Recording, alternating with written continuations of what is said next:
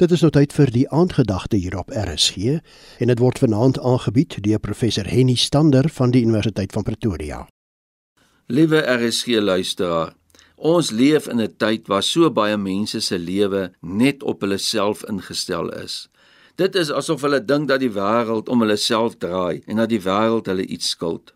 En sulke mense kan nogal ver kom in die lewe as jy op ander mense kan trap en oor hulle loop en jou eie doelwitte kan najag sonder om ander se belange in ag te neem, kan jy dikwels baie ver kom en groot sukses behaal.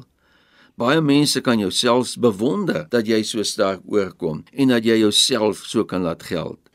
Tog is dit nie die gesindheid wat God by ons wil sien nie.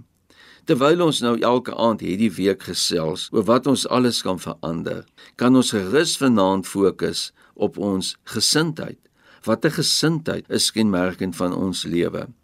Paulus sê in Filippense 2 dat dieselfde gesindheid wat daar in Christus Jesus was, ook in ons moet wees. Maar wat is daardie gesindheid wat in Jesus was, wat ook in ons lewe teenwoordig moet wees?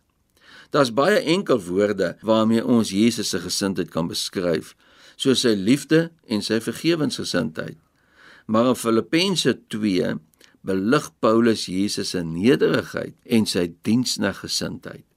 Hy sê: "Hoewel Jesus in die gestalte van God was, het hy die gelykheid aan God nie beskou as iets om aan vas te klem nie, maar hy het homself daarvan leeg gemaak deur die gestalte van 'n slaaf aan te neem en aan mense gelyk te word, en hy het homself verneder. Selfs al was hy God in menslike vorm, het hy nie net met ryk en bekende mense gemeng nie. Hy het tussen gewone mense geleef en opgetree, tussen mense wat siek was en nood gehad het. En daardie diensneggesindheid behoort ook ons oral uit te leef, of ons nou by die huis is of by die werk. Om 'n diensneg te wees is nie net bedoel vir werkers met lae range of posisies nie.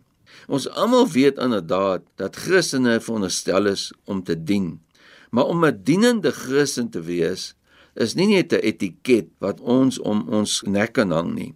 Dit moet uitgeleef word om betekenis te kry. Om 'n diensnege gesindheid uit te leef beteken dat ons vir ander sal omgee.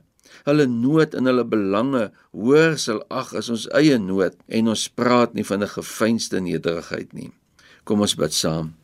Vader, ons moet bely dat om nederig te wees en om bereid te wees om te dien nie altyd ons sterkste punt is nie.